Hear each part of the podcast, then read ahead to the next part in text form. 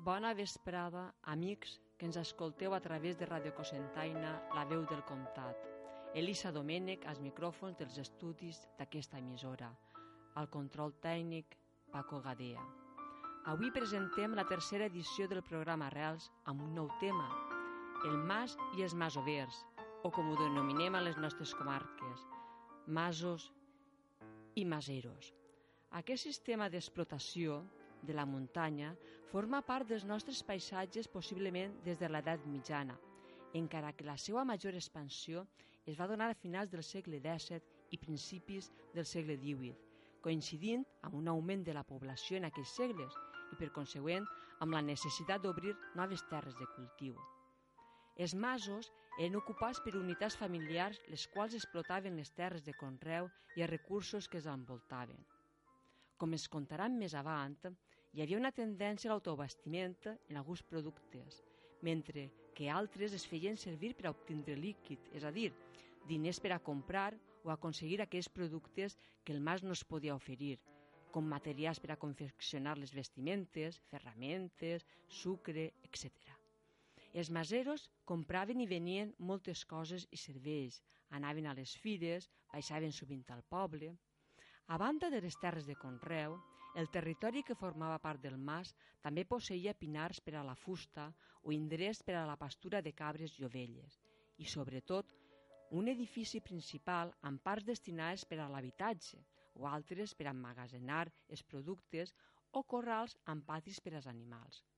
Sense oblidar els cups o almàrceres per a fer l'oli i el vi, o la era prop del mas per a batre el blat, la propietat era en la majoria dels casos de la burgesia dinerada, que normalment eren de fora de Cosentaina, d'Alcoi, València, Alacant, amb excepcions, com escoltarem en alguns testimonis. Els maseros o masovers, amb les seues famílies, eren els encarregats de fer funcionar aquestes explotacions mitjançant el sistema de parceria. Habitualment no pagaven lloguer ni rebien cap sou, més bé repartien la producció del que conreàvem amb els propietaris. La relació entre els senyorets i els maseros estava regulada pels usos i costums. No solia haver un contracte escrit, a sovint bastava la paraula i un estret de mans. El tema d'avui té per a mi una especial significació. Des de menuda he escoltat a la meva iaia i a mon pare com era la vida als masos. Així, al igual que vas prendre contacte amb aquesta vida de la mà dels meus parents, vull que també vosaltres, amics del programa d'Arrels, conegueu com era la vida als masos a través de la veu de, de gent que ha viscut en ells. Mostrarem com era aquesta vida a mitjans del segle XX, amb unes formes d'explotació que quasi com havien canviat en 200 anys. Com ha plegat el moment de la seva decadència, el procés d'abandó es va detindre amb l'arribada de gent de fora de les nostres comarques, per a finalment també coneixerem com és la vida dels massos ara, molt d'ells en vies de desaparició, però que altres encara es mantenen per a continuar amb la seva explotació o bé per sentiment familiar. Els protagonistes, que tan amablement ens han dedicat unes hores per a escorcollar en els seus records, són Juan Luis Ripoll, Andrés i Maria Martínez, Milagro Nadal amb el seu fill Boro i José Molina. Comencem amb el relat de Juan, el qual, quan tenia 8 anys, es va traslladar amb la seva família al mas del racó de l'Alberri. En aquesta ocasió contem a la visió d'un xiquet que va participar a les tasques quotidianes del mas que portava son pare. El racó de l'Alberri era un lloc privilegiat, tenia horta i secà, a l'horta cultivaven alls, cebes, queradilles, fresols per a l'olla, regats per l'abundant àuia que tenia el mas. Gran part d'aquesta collita la venien al mercat d'Alcoi. També tenien cabres, porcs, conills, sense oblidar el blat i el panís, que junt amb l'oli servia també per a pagar l'impost del cupo. Però a l'hivern feia molt de fred i nevava, pel que hi havia que tindre preparat el frito i traure les cradilles i les conserves guardades. I com no, aprofitant que no es podia treballar al camp, s'anava a caçar el rastre. El mas era de doña Angelina, una senyora del coll, la qual anava els mesos d'estiu i vivia de lo que li donaven del mas. Juan ens fa un magnífic recorregut per una forma de vida molt diferent de l'actual, que va ocórrer tan sols fa mig segle, moment en què el treball al camp no estava mecanitzat, tota la força venia dels sers humans i dels animals. Escoltem el que ens diu. On va néixer? Sí, sí, en esta casa. En esta en casa. Esta casa. Eh. I després, eh, tindria jo uns 4 anys, se'n vam anar allà al racó del Berri, que avui es diu Villa Lorenzo, que antes era de, de la doña Angelina a so Espí, una senyora de, de València. I vam estar allí 8 anys, vam estar allí. Els meus pares de d'agricultors allí, que tenim allí les hortes allí, i d'això vivíem. Criàvem animalets, fem ol- oli, verdura, veníem la verdura en el coll, en el mercat de Sant Mateu, en el carrer que cruza, i, i així ne vivíem, de totes aquestes coses. la glorieta. No, el, el carrer que cruza de la Glorieta. I, I tenien allí quin tipus d'hortalissa cultivaven en el mas? de tota classe. Des de queraïlles alls, eh, cebes tot el que hi havia en aquell entonces fresols, molts de fresols. Salades. fresols de, de la botxeta fresol de la botxeta és el que es cria xucutiu i és molt bo que encara existeix encara. És molt bo per l'olla que entonces el, el plat de fort d'entonces era l'olla I eh, estaven vivint allí tot el, tot el temps o, o se'n venien a viure no, ací a la venta? sempre allí sempre Els vuit anys que van Els estar en el mas sí, sí, sí. estaven allí teníem, vivint. Esta casa la teníem tancada i vivíem allí dalt. I tenien animals en el corral... Cabres, cerdo, dos machos, conills, gallines, molt d'animals, molts, que vivien pràcticament d'això. Perquè els animals el que en aquell entonces era sustents de casa, perquè els cabriters es mataven, els conills també, en l'estiu, que ens sobrava, ma mare ho frigia i feia un frito, i d'això vivíem l'hivern. És a dir, que tot el que anaven fent de reserves durant l'estiu tenien també per, per a l'hivern. I a, i a les, les propietàries del mas es donaven algo cada sí, sí, temps? Sí, sí, sí. Es pagaven uns diners, no recordo jo, molt poquius, perquè en aquell entonces eren molt poquius, i per l'estiu venia, l'ama d'allí era una senyora soltera, doña Angelina, i venia tres mesos de l'estiu. Passava els dies allí, o sigui, els tres mesos, i d'entonces nosaltres li donàvem de tot el que hi havia. La dona vivia de lo que li donàvem del, del mas, perquè era una senyora molt modesta, molt bona persona, perquè era fadrineta i molt bona persona i, i hasta que ja va passar la postguerra i se'n van baixar si baix a casa de nosaltres I van tindre que pagar alguna indemnització per deixar el mas? No. O li va donar la, alguna compensació la, la senyora Reas? no, no. quan eh, la senyora aquella va morir i ella ho tenia allò disfrutuària i ho va vendre uns senyors al coll i nosaltres se'n van vindre sí, perquè els meus pares pues, tenien la cara tancada va ser per el sistema de que en la postguerra ens furtaven tot el del menjar de les hortes i entonces ens interessava però després allò es va acabar i ja ens interessava estar en casa de nosaltres i per això se'n van vindre sí. I eh, allí plantaven blat en el mas? Han plantat algun any? Molt de blat. Plantàvem el blat. Després ho treballàvem i plantàvem panís darrere. Plantàvem panís per fer-li a l'horta dos collites. És a dir, que el blat era eh, en el mateix lloc on plantaven el blat, en els mateixos bancals, plantaven també el panís Plantàvem el panís darrere. Sí. i el regaven el Sí, panís. sí, sí, allí, havia- en aquell entonces, i avui ja no n'hi ha tanta, però en aquell entonces hi havia molta àvia de sobre, perquè és el, el barranc de Mastec que baixa i estava canalitzat a una bassa, i de la bassa eixa, pues, en sobres, es regava tot, tot el que volíem, tot el que volíem, perquè l'àvia ens sobrava. I no es recorda vostè l'extensió que tindria el mas, tot el terreno, no La, el, el terreno allí hi haurien de 50 fanegalls perquè molt, hi hauria. I secar molt, molt, més de 100. El mas era molt gran. I a part d'això, els meus pares tenien allí, pues, tindrien una vintena de fanegalls d'hort allí. Aquí era propietat de sus sí, pares. era propietat de, de, de, de nosaltres, sí. I, és, I quan, per exemple, si sobraven tomàquets, sobraven queradilles, Això- això ho vendrien en, en els mercats. Coll, en el nosaltres pujàvem al coll. A Sant Mateu, el carrer que puja cap amunt, hi ha uns pilonets a la, la punta de la paret de la glorieta, allí pujàvem nosaltres, en, en els dos matxos que teníem, i pujàvem allà i aplegava el camí hasta, les pobres. Hasta les pobres. Pujàvem, ho veníem allí i què anaven, totes les setmanes o quan tenien? dissabtes tots els dissabtes. Només es feia el mercat del coll es feia dissabte només. Dissabte. I ho veníem en terra, no hi havia taula. Portàvem un pes de casa i ho veníem en terra. Escampàvem una manta en terra i allí es venia sí. les tomàques les tomàques, batxoques i tot això ho fèiem en conserves que és el que menjàvem en l'hivern frito i conserva perquè tomàquets, batxoques tot. i les queraïlles recordo jo que ma mare el, el, el colgava en arena perquè es mantingueren més, més, més tendres i més bé perquè no s'arrugaren però com ho posava en algun recipient gran i, no, no, no, no, i posava en terra, arena? En terra, en terra, en terra. tapat d'arena. Sí. Això era, diguem, sistema com si fos una nevera d'ara. Són puestos molt fresc, perquè totes les cases, antigament, els masos, tenim una part al sol i una part enterrar. Això mateixa, veus, això és, és marge, i està buit d'estar baix. Entonces baix és fresc, i el mas aquell estava igual. Tot igual. És a dir, que tenia una part una que era part més enterrar. enterrar. Tallaven una paret i ahí posaven el mas. Entonces una part era, feia de cisterna, de, de nevera. De nevera. Pràcticament, ja, bueno, es conservava una meravella. Les queraïlles, quan ja que molt, eh, llevàvem els grills perquè no es buidaren, perquè el grill buida la queraïlla.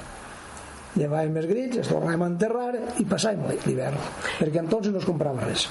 I del blat, el blat que sobraria, què feia? Entonces no, no mos en sobrava, al revés mos en faltava perquè en aquell entonces estava el cupo que van pagar en la postguerra es pagava un tribut en, en blat i en oli a l'Estat. I mos, a nosaltres mos racionaven entonces mos deixaven el mínim que tenies que guardar en, si podia ser algun quilet més del mínim que donaven perquè en el mínim no en tenies prou. Mm. i acabava l'any justatiu és a dir, que clar, lo que, el, lo, entre el que donaves i el que tu consumies, poca cosa no, ja res, quedava. Res, res, res. L'estat el pagava el que li donaves. El pagava d'aquella manera, perquè l'oli, recordo jo que, que, que ma mare dia, no sé si era 35 pessetes la roba, una cosa així, molt barat, que en aquell entonces eren diners també, saps? però que molt més barat que estava. Una cosa, doncs el que diem, eh, el mínim, un mínim. Un mínim. Obligatori, el cupo era obligatori. I allí, en hivern, quan nevava, arribaven les nevades al, Sí, sí, sí. al mas. Sí, Què sí. feien durant aquestes jornades de, de neu que no podien eixir O al que carrer estem, ni fer lo que res? estem mirant ara, ara en el mateix que estem mirant ara a la tele de allí del mas Ixa a un altre mas que hi ha enfront en la pala es fem un caminet i es comunicàvem perquè jo he conegut estar allí alt doncs, 10-12 dies nevat I què feien? Es quedaven en el, dins del mas? no, dins del mas Dins del mas, allà, en, en el foc encès i a jugar. I quan anàveu a casar? a casar això era després que això no era, era estrapero eh? que això està prohibit però mon pare i jo es posaven els peus en sacs i entonces els conills marquen, marquen que nosaltres diem caçar el rastre i ara agarraves un garrot i ara xop, xop, xop, xop i és el conillet que estava dins de la poja pum, garrotar i d'això feien frito De lo que caçaven? el que caçaven de lo que Però què caçaven el dia que es, quan estava tot net, quan nevava, anaven quan a seguir... nevava, quan nevava és quan més caçàvem I pardalets. i de tot, i nosaltres de cepets, però el, el cepet era molt, el part de molt xicotiu, però el conill sí, el conill sí que en fem molts, molts. Vale, en aquell entonces que el, el conill hi havia un corral pel, pel, pel camp. Després va vindre la cimatosi i es va morir. I expliqui'm un poc com era el mas Perdiensa. Per dir- Si se'n recorda, sí, se'n sí, recorda. sí que me'n recorda. Pues baix passava era el mateix. Estava enterrat i era una, una, un entrar, dos covetes i un comedor. I dalt era un passillo per mig i hi haurien set o vuit habitacions. I damunt la pallissa. I en, eh, tenien corrals, els corrals que estaven fora, estaven independents o, o, a- o adossats a l'edifici? Adossat, adossat al, al, al mas. Era un pati enorme que l'havien guanyat al mangal perquè havien fet una paret i entonces del mas a la paret era, era el ras que allí teníem, teníem els conills, les gallines, el cerdo i les cabres i tot allò era, era allò. Hi havia un cobertís, a la fonda de dins hi havia un cobertís i allí ho teníem tot. Que així en casa, així en ma casa també ho, ho teníem igual, completament igual. Caria. I les cabres tenien cabres també en algun corral? Nosaltres sempre, eh, 7, 8, 10 cabres teníem sempre. Perquè les cabres, a part de la llet, doncs tens els xotets. I son pare era. I mon pare, doncs, com havia sigut carnisser, doncs es matava, es trossejava. Quan ja passava els dies, com no teníem neveres, doncs el fregíem i ho posàvem en frito. I d'això vivíem. De tot s'aprofi- Molt bé. sí, sí. No, no, fa- fam no passarien, eh? No, no, va, fam no en passava al revés. Al revés. Posàrem la carn a la, al, I a la neu. la carn, quan passen 8 o 10 dies, aguantes, s'ha de fregir i s'ha de posar en frito. En frito és un gerró d'oli ple de mig d'oli i vas posant-li carn. L'omplis de carn i el tornes a omplir d'oli fregit. I es conserva el temps que vulguis. I fent també la matança del porc, Sí, sí, sí. ah, pues conta'm un poquet el que recorde de la Sí, matança. la matança, doncs mira, mon pare i jo s'encarregàvem de matar-los, les dones m'ho ajudaven, trossejàvem, trossejàvem la, la, el, el, el, el cerdo, traiem els cuixots i el resto de, del, del cerdo el, el fem pa, pa botifarres, llonganisses, és, és la, les fotrotes, la sobrassà, i els cuixots es posàvem en un racó plens de sal i unes pedres damunt perquè expulsaren la sang. Al cap de 5 uns 4 o 5 setmanes es treiem, es giràvem i es tornàvem a posar de nou. I aguantava tot el que volies igual que el d'ara millor que el d'ara Anava a dir millor, perquè allà ha tot ingredients naturals, no n'hi hauria ninguna... Ni, exactament, ja no n'hi havia Després ja el netejava, ma mare ja el netejava, el xafava amb pebre roig i a menjar d'ell.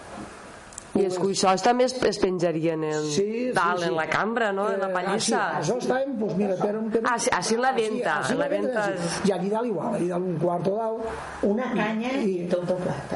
i allí ho teníem. Quants, quants animals mataven en, en la matança del cerdo? El, Quants? el cerdo matava el cerdo soles. Sol és un cerdo. Sol Criaven un un cerdo per a l'any? Un cerdo. Un any en van matar dos, però lo normal era un cerdo. Un cerdo. Un cerdo. Això era lo normal. Lo que passa que un any mon pare el van redrar al porquerizo, que en aquell entonces venia un home en un carro venent els cerdets, i el van redrar i, i li van vendre dos. Mon pare volia vendre uno, després va veure a Manolo, el carnisser, Paquito, i, i li donaven quatre perres, de quatre perres, ni, de- ni de conya. Ala, I se'l van menjar els dos. I encara Ah, clar, és- no va sobrar res. I per ser dos es donaven, durant tot l'any li donàvem per les figues que caïen que m'encarregava jo de replegar les figues panís, el que sobrava de casa i, i després per engordar-los es donaven panís un poquet de farina de, de, de cibàs o mesclàvem i, era, i el cerdo feia gordo i entonces a la matança I les gallines, que eren per a, per a con- menjar-se les vostres al mas, o en venien alguna? En venien alguna gallina? Molt poquet, molt poquet. Era per a casa. Era, era, el- l'animalet era consumo de casa. L'animalet era consumo de casa perquè eren pasous i quan no ma mare pues, les matava perquè en aquell entonces el plat de, de, de, de nosaltres era treballador, era de- dels treballadors era de calent. Nosaltres érem quatre, la meva germana i jo, mon pare i ma mare, i teníem un home treballant que menjava en casa. Entonces érem cinc, i cinc persones que entonces havíem de fer el menjar nosaltres. O sigui que eh, havies de preparar I menjar. treballaven molt i necessitaven I, energia. I no hi havia tractor, no hi havia mula, no hi havia cotxe, no hi havia res. Era el matxet, I la borreta. la burreta i, i, i, i, anar, i, i, i anar fent. Sí, I anar fent. molta feina. En aquell entonces... I a la batuda, a la batuda tindrien alguna era per allí també per a fer la sí. batuda de, Teníem una era, teníem una viga, dos trills, i després, de- quan- ja estava la, la, la palla més a estrocejar, pues, posàvem la trilla. La trilla és una madera en unes pedres de metxero baix i els xiquets mos pujaven damunt de la trilla i a pegar voltes allí. Quan més calor feia millor, perquè la palla, si no fa calor, no es trenca.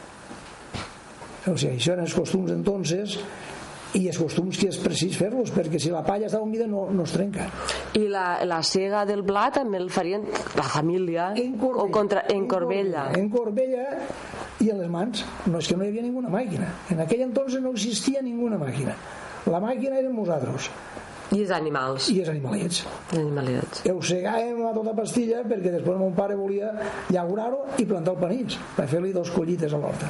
I el panís també era per casa, no? per els pa- animals, sempre per casa. Sempre per casa. Vendrem nosaltres de blat i, i si va i panís no n'hem venut mai. Sempre venia més l'hortalissa. L'hortalissa. És el que... Nosaltres veníem l'oli i l'hortalissa. De més no veníem I res. frutals també en tindrien alguns Sí, per per mà. casa, per casa. Per casa. Quin Sempre tipus de per frutes tenien per Hi allà? havia de tot. En aquell entonces era pruna, pruna amb vercols i figues. És No, el que, només- només- cireres molt poquetes n'hi havia també, però era més... Eh, la poma eh, en aquell entonces molt poqueta. Això de que ara s'han posat, en aquell entonces la poma no no no n'hi havia. I el perelló secava i no, no, no anava. Uns quants anys després del que ens conta Juan, Milagro ens refresca les seues vivències al Mas de Cister, mas situat a la pedania de Penella, on va viure fins als 10 anys. Al tall que escoltarem a continuació, coneixerem les impressions o records d'una xiqueta de 8 o 9 anys, com quan es batia a la era, o el gran cono de cub que s'utilitzava per al vi, l'escola, o quan s'enjuntaven per a la despulla del panís.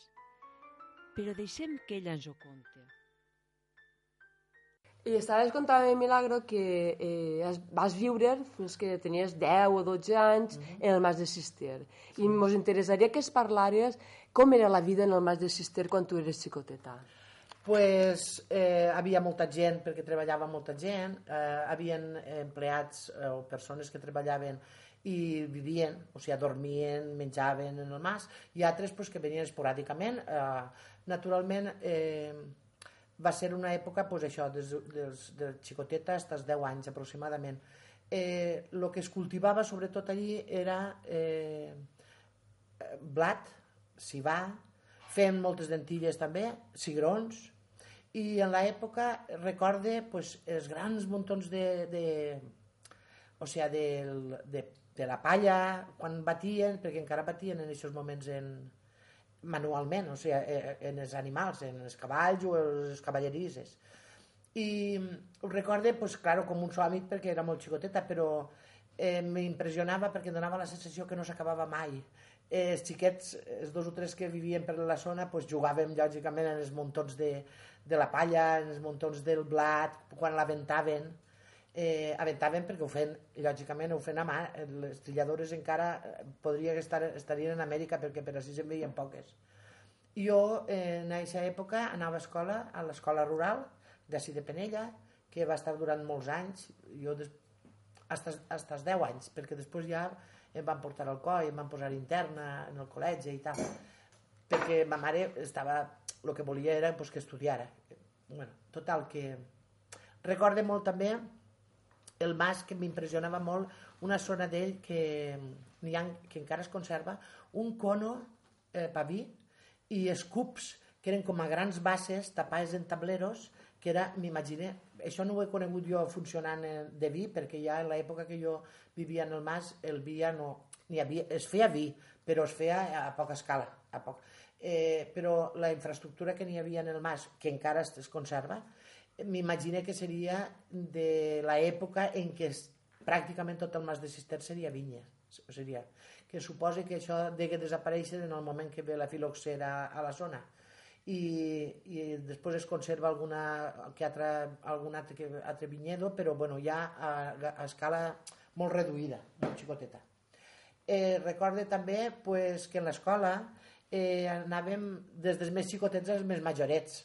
Lògicament la mestra mos, eh, estaven tots, pues, no sé, des de 5 anys fins 14 inclús, perquè n'hi havia gent que treballava, o sigui, xiquets que treballaven durant el dia i per la vesprà anaven al col·le o a l'escola, o treballaven per la vesprà i pel matí anaven pues, a ensenyar-se a escriure i a llegir, lo fundamental o lo bàsic. I quan ploïa més, entonces anaven segur tots. Eh, bueno, són records que, que lògicament... I eh, estaves contant-me que el, el, el Màrsera, que encara ton pare va molturar alguna oliva sí. sin el Màrsera d'ací. No, on no, no. estava? On estava el Màrsera en Penella? L'Almarcel està al costat del camí, que per cert es diu linda con los caminos... De, no, linda con el camino de los castillos de Penella. Em llama l'atenció perquè diu castillos. en les escritures antigues, perquè en tinc una de 1810, però és, sí, 1810. En, el, en 1836 crec que és el primer registre cosetaina. I en tinc una d'escriptura que diu eh, que ja relata anteriorment al registre eh, que no n'hi ha escritura escrita, però verbalment és de fulano, mengano, o sigui, la, la propietat. I, i em llama l'atenció això perquè posa linda con el camino de los castillos de Penella, el que és l'Almàrsera, que encara està en el mateix lloc, lògicament. Eh, L'Almàrsera la van començar eh, ja el meu abuelo, el meu abuelo estudiant, va començar l'Almàrsera, perquè allí no és que hi havia Almàrsera d'oli soles, sinó que eh, n'hi havia cups i premses de vi, també, i cups. Ara encara estan, però estan des, destruïts, bueno, mig destruïts, mig, mig. Eh, en l'Almàrsera, després del vi, m'imagino que també per l'època, doncs van començar a posar premses però per fer oli. I es feia. L'oli de la casa, més alguns veïnat, alguns del veïnat també el portaven a fer-lo, eh, pagaria la motoració o el que fora, no sé com es, estava, perquè encara conserven llibres, des de luego, que encara es podria mirar. Eh, sí, sí, i, i bueno, l'Almàrsera es va arribar a fer vi, ai, vi, però, vi per supost, eh, eh, oli, fins a que obrin la cooperativa en Cosentaina, l'Almàrsera de Cosentaina que mon pare ja va veure que era massa complicat tindre que donar, o sigui, tindre que mantenir durant l'any i, i va veure que era més, més interessant Cosentaina i entonces van deixar de, de molturar així. Perquè tot el món ja es va apuntar a la cooperativa i ho va deixar estar. Les premses encara les conservàvem bueno, tinc algunes encara encara les conservàvem però va haver un moment en què necessitaven espai doncs, pels tractors, per la maquinària i tal, i eh, moltes d'aquestes coses van, o sigui, es van vendre i es van, van desaparèixer i ja no estan a la massa. El que necessitaves en el moment. Exacte. També comptam quan estàveu en, uh, en desfent lo de, la, de les palloques o ah, vale. que, el mas de que fèieu, fèieu alguna, alguna broma. El mas de cister és que es feia molt de panís, molt, molta... I, clar, quan això es cullen les, panotxes, les panolles i s'amuntonen.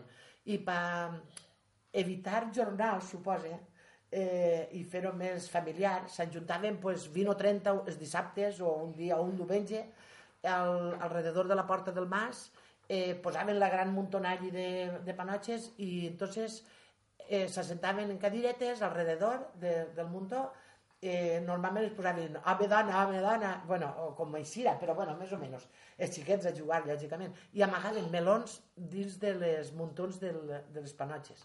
Entonces, quan anaven pelant, manualment, claro. Eh, I quan eixia alguna panatxa que eixia en, en puntets rojos o alguna roja, que a voltes eixien roges, el que la traïa la panatxa tenia que pesar el que tenia al costat. I quan eixia un meló, paraven tots, es menjaven el meló i a continuar altra volta pelant. Què passava? Que es, eh, el que són els... Eh, eh, la panotxa, o sigui, no la panotxa, sinó, no sé exactament... Els pallocs de fora. El, sí, els pallocs, sí. que antigament es gastaven per fer els colxons, no t'ho pergau. Sí, sí, jo eh? m'abuela en tenia uno. Claro, és que n'hi havia molta gent, en el mas de sistema hi havia Correcte. molta gent que es quedaven a dormir quan, eh, quan l'estiu, quan batien, i, i, els, i, i els colxons eren de, de, de pallocs. De palloc. Bueno, pues, claro, fent grans muntons de pallocs i els xiquets s'ho passaven bomba perquè això fa un sonido estrany, es tiraven com si foren la piscina però als pallocs. Poc temps després dels moments que ens ha narrat Milagro, entre els anys 60 i 70 del segle XX, la indústria alcohol i a Cosentaina va absorbir molta mà d'obra del camp. Els masovers deixen el seu mig de vida tradicional i se'n van a guanyar-se el pa a les fàbriques. Els nous masovers seran a partir d'ara famílies que venen d'altres comunitats del territori espanyol buscant una vida millor i amb més oportunitats per als seus fills. Per a que ens conten el que va ocórrer a d'aquestes famílies, tenim el testimoni d'Andrés i Maria, els quals visqueren durant més de cinc anys al Mas de Callosa i després al Mas de les Carrasques de Benilloba. Les condicions per a continuar endavant eren prou dures, semblants a les dels seus predecessors. Però a la dècada dels anys 70, quan als nostres pobles ja s'estava experimentant canvis econòmics, laborals i socials importants. Tenien que treballar molt dur per a quedar-se en la meitat del que produïen. Però què millor que escoltar-ho de la seva pròpia veu. Me comentó María José que estuvieron unos años en el Más de Callosa. Y me gustaría que me comentara por qué fue a trabajar allí y, y qué es lo que hacían, en qué condiciones. Sí, sí. Oh, yo me vine ahí porque ya los zaganes, los, los hijos, como se quiere decir, Todo lo que quieran. sí, se, se habían hecho grandes y allí no, no había ambiente. Y, y- y vine aquí buscando otra cosa mejor. Llegamos aquí, pues pusimos a, a, traba- a trabajar en la tierra, lab- labradores, sembrando trigo, sembrando cebada, cogiendo aceitunas, almendras, eso era lo que tenía la, la ficha, la, la vacía. Voy a partir con, con la jefa, o el jefe, como se quiera decir. Es decir, que todo lo que cosechaban tenían que dar una parte a los propietarios de la masía. Tenían que dar la la mitad. Sí. El trabajo era todo nuestro, todo, todo el trabajo. Las bestias que le arreábamos nosotros eran nuestras. Las caballerías para Las entender. caballerías para entenderlo, eso. Y todo era lo que sacábamos, la producción que había, era la mitad para ellos y la mitad para nosotros. ¿Y qué, qué es lo que producían? ¿Qué cultivaban allí en la masía de, de Callosa? trigo y cebada. Y a veces poca, algún panizo. Maíz que se dice. Sí. Y, y coger, pues ya, ya lo he dicho, oliva, había eh, regulares. Pero todo eso era a partir, a media, vaya. A media. Y tenían también animales, ¿no? Que tendrían allí animales. Te dio dos ovejas. Y Eso tenía allí. Y cabra para la leche. ¿eh? Y las cabras para la leche de casa. Cabras, tenían también cabras para la leche. Ah, Cabras para la leche de casa. había una. Sí, había, tuvimos. Para la leche, de- de- que entonces no era como ahora que se compraba leche de todas. ¿Y, y, y se acuerda en qué año más o menos estuvieron allí trabajando en la masía de Callosa? ¿Qué Hombre, años, hombre. ¿qué años posiblemente Sí, podría sí, sí, ser? de, de 64 a 70. De 1964 A al 70. 70. Estuvieron a allí. 70 nos fuimos a la- abajo a, A las a carrascas. las carrascas. a Carrasco. Y allí, no, como está ahora, no, hay ni, no había ni luz, ni, eh, ni, co- ni agua corriente. Ni, ni tan siquiera un pozo había. Un pozo que no nos daba abasto, que había que ir a, a Penella a traer el agua. Pero eso ahí. Es decir, que iban a Penella a por agua para, para lavar, a abastecerse, Penella, Y a lavar. para todo. a lavar y todo. Iban andando, no tenían vehículo ni nada. No, No, una caballería. No había nada que hacer. Andando, cuando no estaban las bestias trabajando, llevábamos las bestias. Y cuando no, pues andando. Una mula. Y Tenían, ¿qué, qué, qué bestias tenían? Una, Dos. dos. Dos mulas. ¿Sabrán lo que es? Sí, sí, sí, por supuesto. Sí, dos mulas. Dos mulas Y tenían. entonces, como se labraba con una sola, con una sola, la otra estaba dispuesta a veces, no todas veces, para si dábamos algún viaje. Como ir a por agua y ir a lavar y todo eso. Y por otra parte, va a venir a un bancar que teníamos ahí en los del río, que era de la misma finca. La huerta. Pero ese era el bancar que teníamos a riego. Ahí- Y eso también lo llevaban ustedes. Sí, El sí. bancal de, de riego Sí. también lo, lo llevaban ustedes. Sí. Porque era mucho trabajo, ¿no? Y ahí sembrábamos las patatas y... Y, las, y lo que sacaban de la huerta, ¿lo vendían ustedes directamente en ¿Qué el va? mercado? No, No, no, lo no. daban al propietario. Claro, la mitad igual. La- una mitad se la quedaban ustedes, la otra mitad. Exactamente. ¿Y pagaban algún tipo de alquiler? No. Eso nos había faltado. No pagaban Como eso. nos azotaban poco, encima giré. Uh, no, nos tomaban hasta la mitad de la leña, que venían a talar los taladores y de luego lo que se sacaba de leña recia para el fuego, Para, para lumbre. hasta la mitad de la leña nos tomaban. Y, y después de, de la masía de Callosa se fueron un poco, tampoco no muy lejos, a, a la masía de la Carrasca, a trabajar allí. En el año 70. Es Carrasques. ¿eh? Sí, los, los carrasques, sí. ¿Y que estuvieron mucho tiempo allí? ¿Qué tuvimos? Siete años creo. Sí, sí, desde, desde el, el- to- desde el 70 al Eh. 77. El 70 sí no sé yo fijo. Ah, no, al 75. Lo llevamos después, pero el 75 fue cuando vinimos aquí. ¿Y que estuvieron en las, con las mismas condiciones? Sí, igual, ¿no? sí, sí. A la mitad le daban al propietario y la otra mitad se la quedaban ustedes. ¿Y allí también cultivaban lo mismo? Sí, exactamente. ¿Y qué cultivaban? ¿Qué cultivaban? Trigo, cebada y, hierro también. Edros, edros también. Eh, edro, sí. Que si había huevos, había conejos, había algún pollo, tenías que, de- que venderlo para el perreo de la casa. Siempre tienes que comprar jabón, tienes que comprar azúcar, tienes que comprar La ropa. y la ropa. Sí. Y había que vender, si había un conejo, había un pollo, había huevos, había que venderlo. De ahí para el perreo, porque no había semanada de nada. Había que venderlo todo. Era, era- y eso que eran los años 70, que aquí ya en Sí, nuestras sí. tierras teníamos ya la industria y había gente con Pero buenos por eso se han sueldos. venido todos los maseros a la industria y se habían dejado el campo. Claro, y les tocó a ustedes. Nos tocó a nosotros por venirnos a un sitio donde los hijos tuvieran otro ambiente.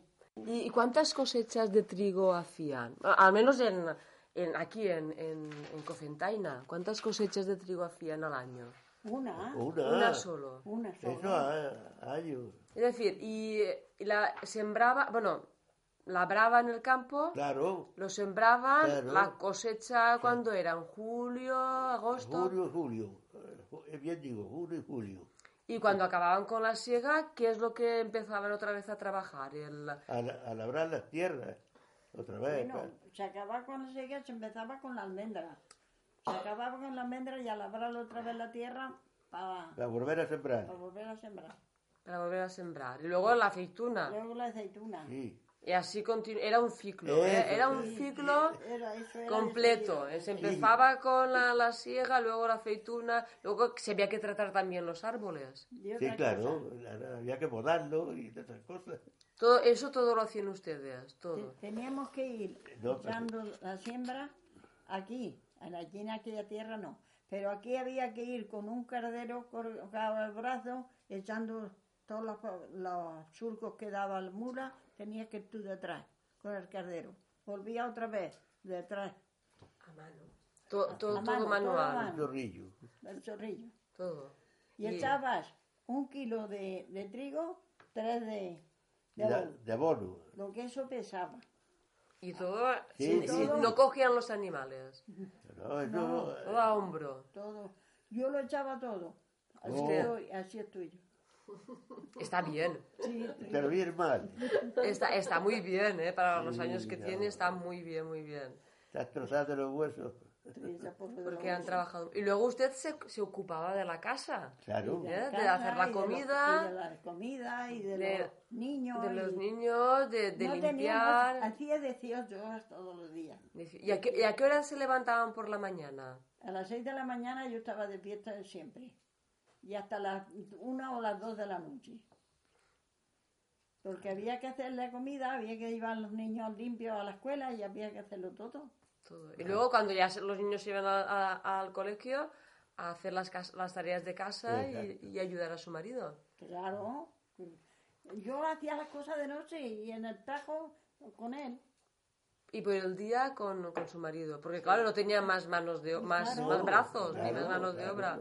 Éramos Eran los los, dos solos. los dos solos. Sí. Y nos aproximadamente qué cantidad de trigo podía producir en un año. Podía cultivar. Ah, sí. Aproximadamente. Sí, sí. Yo te- eso lo digo yo de momento. Pero Eh, claro, lo dirá, dilo, dilo. Dilo, dígalo, dígalo, más o menos. 100 fanegas. Sin fanegas. Mucho Hay otras tantas de cebada. Y Eso es a, a la mitad. A la mitad. Sí. Se llevaban la mitad, te quedabas tú con 50 y de ahí tenías que volver a sembrar, costear los animales y todo. Y todo. Era, era, era duro, eh? Eso. Sí, señor. Malgrat el sacrifici d'Andrés i Maria i d'altres famílies com ells, Els masovers vinguts d'altres terres també abandonaren els masos. Aquestes explotacions havien deixat de ser rendibles i la vida era molt dura. No obstant, encara que actualment hi ha molts masos abandonats o en semiruïna, i que malauradament aquesta situació és la que domina el nostre paisatge, queden alguns reductes que continuen cuidant-se o explotant-se d'una altra forma. Així tenim els exemples de Boro, fill de Milagro Nadal, net i rebesnet de Maseros, i de José Molina, amb avantpassats que s'han dedicat al camp i sobretot a l'explotació dels masos. Els dos tenen visions diferents de com mantindre viva la tradició que han heretat, però gràcies a ells mantenen el patrimoni que ens han transmès els seus pares, avis i besavis. Boro ha professionalitzat el treball de masover. Va estudiar per a ser capatàs agrícola. Ara porta els masos del seu avi i de les seues ties, com el mas de la Era i el mas del Cister a Pinella. A l'entrevista que li van fer al mas de la Era junt amb sa mare, hem pogut contrastar dues formes molt diferents d'explotació del camp. No obstant, encara que actualment compta amb més mitjos per a treballar, continua sent complicat viure de l'agricultura.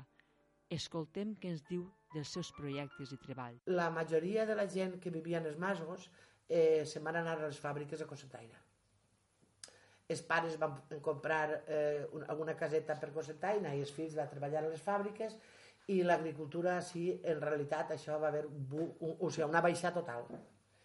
Eh, clar que sí, va aparèixer la maquinària. I clar, al aparèixer la maquinària... Eh, per això sí també tenim a Boro i que, i que ell continua la tradició de la família i crec que tens una titulació que relacionant aquest treball.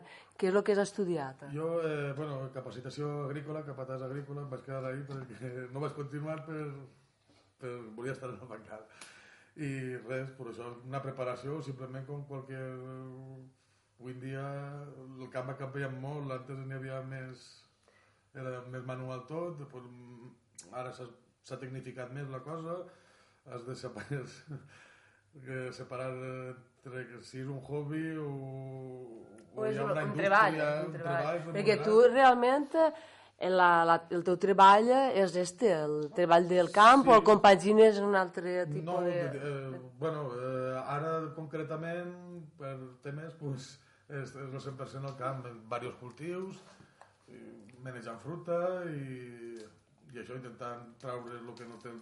Estar a l'última més o menys dins dels nostres nivells i la climatologia que n'hi ha així, el cultiu, és que s'han quedat molt estancats i el que tenim així en la zona, pues, N'hi ha que canviar una mica, un sí, poc. Sí, canviar el xip, millor tornar un poc arrere, però en els passos que d'avui en dia una mecanització pràcticament. Antes, per el que diem, així més com este, en època de collita, tiraves 3 mesos i com a mínim 10, 12 o 15 persones o més Després la collita d'aquest any necessitaves, ara pràcticament en quatre dies dos tios i dos tractors s'apanyem i que es quede més bonic que es quede alguna oliva, vale, és una rentabilitat que tens que intentar lluitar per això per, per passar tot l'any intentar viure. I tu veus, perquè clar, també has viscut, com estàvem parlant abans, has viscut eh, el que feien estos, sí. el ton Tauelo o les teues ties, la teva família, el que es fa ara hi ha un canvi, eh? Sí, brutal i pareix mentira, però farà pues, 25 anys o 30 si m'apures, per això que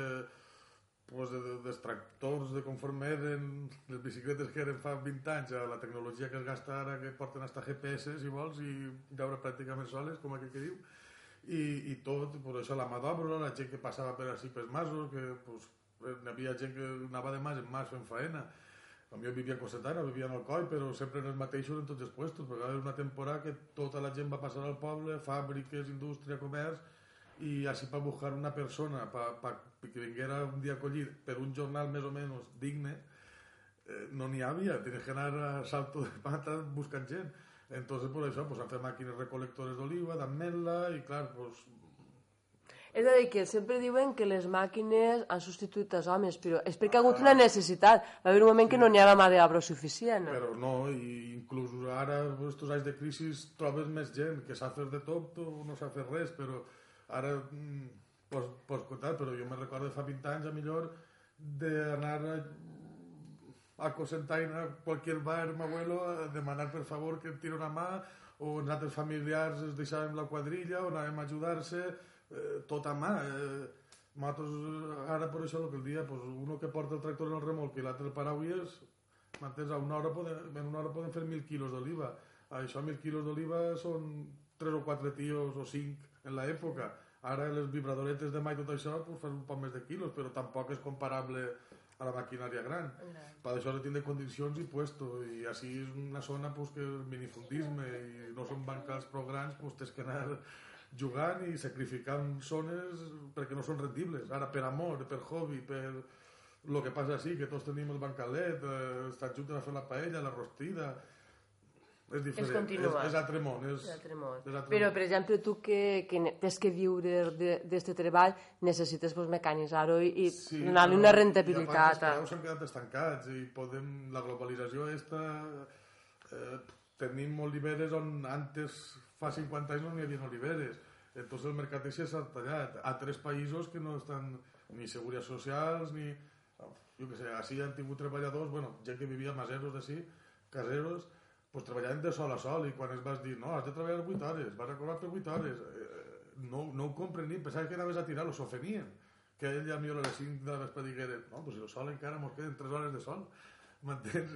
No ho comprenia Com, com en tinc que anar a casa? Què, anar a què fa? Que Què no vols que siga faena? no, no, faena? deixa, i a millor cobraven més de fer les 8 hores de que, de que estar tot el dia perquè és, així, els jornals és això, els gasoils els productes de sulfatar aunque nosaltres ara intentem per això, rentabilitzar la cosa en, estem treballant com a ecològic aunque les eixides són diferents però és això jo ara en el camp, en el tema per exemple de l'olivar a lo millor no és millor fer 100 quilos en una olivera preferir fer-ne 20 però estic un minut en aquesta olivera i em faig és, ah, I que estàs la buscant nous mercats. Nous mercats no, jo no...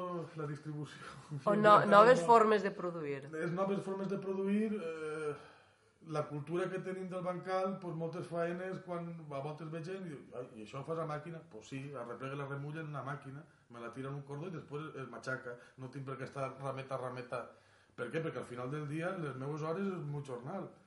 Claro. Mm, Pots viure ara, avui en dia, però amb molta extensió i molt mecanitzat, i el que no pugues fer tu, veus, Ho tens que donar a fer altre. que no és el mateix fer 100 oliveres que fer en 2.000 eh, o el mateix, o la sembradura no el mateix com l'època de ma mare que anaven a la corbelleta que jo ara poso una màquina en un corte de 6 metres d'ample i en una hora em fa una hectàrea són 10.000 metres, antes necessitaves 14 o 15 tios i el tiraves dos o tres dies a lo millor, mentre el carregaves carregaves, ho traïes ara jo el camió em ve així, d'ací a fàbrica.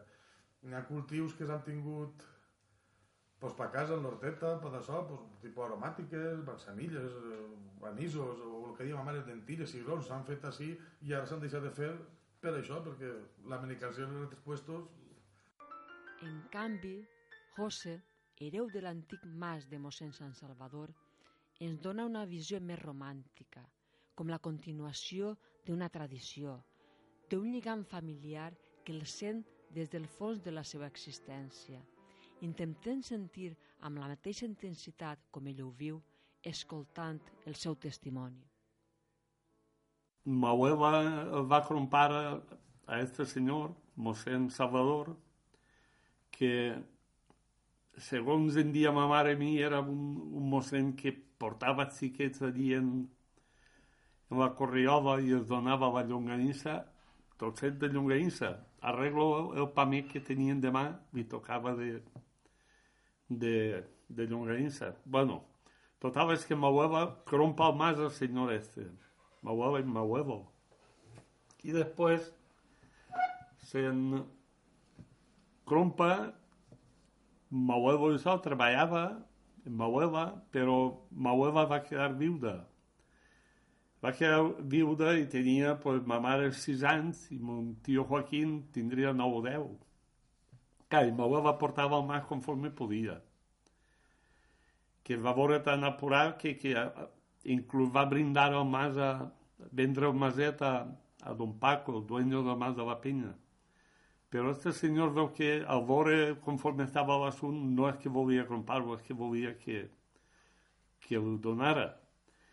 I ma abuela veu que va fer igual que la- l'artista esta de lo, lo que el, el viento se llevó, que va dir de mi no me se burla ningú i no, i no vendré. Bueno, total, ma abuela acaba, no ven, acaba, tira ma mare l'hereta, hereta la meitat, després va l'altra meitat mon tio Joaquín, i bueno, allí pues, ja va raïm, fent raïm, perquè veu que antigament allí tota la vida s'ha fet molt de vi, perquè allí hi ha un cup que avui aquest cup és una cisterna que va fer mon pare quan va tombar el mas i el va fer nou i, i, i sol està a dir que té, li caben 17 o 18.000 litres d'aigua. Després ja mon pare ja va començar a llevar la vinya, això, plantar amb melers, entre mon pare i mon germà i jo vam, vam plantar, vam melverar que hi ha, que i allí està. Però antes mon pare havia plantat eh, olivar. El que passa és que ja no... Ell olivar, després em melverau i, i, i la vinya pues, perdut. Allí ja no queda res. Per mi, mon pare ja li va crompar la part de, del cunyat i van juntar tot el mas i ma mare va dir que el mas havia ser que no s'havia partit una volta però que no es tornava a partir i els meus germans no, van fer, no es van fer avant, jo pues, em va fer avant i jo ho tinc. I, I ara, però allí es plantava blat també? S'ha sentit parlar que es, es plantava blat? Sí, sí que, sí que es plantava, es sembrava blat. Jo ho he conegut inclús a mon pare segant, no, mon pare baixava les garbes a Ciballs. Entre mon pare i, i, i, el, i el nebot que mos ha deixat. I sempre va baixar a Ciballs. Però mon tio Joaquín tenia la era allí i allí batia la cibà i el blat que feia. I també eh, alguna hortalissa també farien per allí, per, la, per el mas, no? Allí, allí hi ha un, unes, diem les hortetes, que avui pues, tot s'ha perdut, està allí, però diem les hortetes perquè hi ha una passeta i una al cabó i allí pues, feien pues, coses per la casa. Allí, allí, va, allí va la meva vida. Jo sóc igual que, igual que va ser el sacre tinc que picar tots els dies, però jo tinc que anar allí tots els dies. És, és, és de la seva família i això ho sent... És, jo pues, he respetat el que era la meva família, perquè allí era, era jo què sé, ha sigut cuna de caçadors, cuna de, de bon ambient i, i cuna de família, ha sigut... Pues, per mi ha sigut a tot. tot. Inclús, el millor això no, no ve a cuento, però em, van, em van, va vindre un senyor i em va fer una oferta forta i dura, forta. I va renunciar dient que no, perquè no és més feliç el que m'estiene. I jo soc feliç allí i allí que estic. És molt bonic quan sentar-te allí i no, no sentir a ningú ni més que pardalets.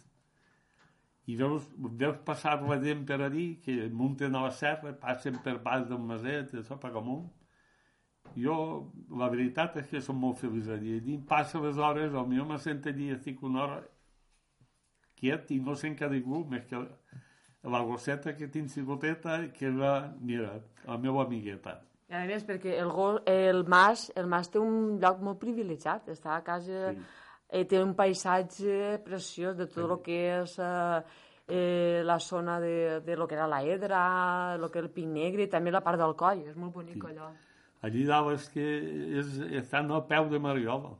Allí té pas per anar a Estabecons, per anar per Cavaedra, per anar per que Esclot d'Ol, anar per que Barran de Moran, el Racó Ample, el Cop de la Talaia, tot. Allò era molt bonic quan jo era un xaval, que el, el Talecó era, era un mas ganadero.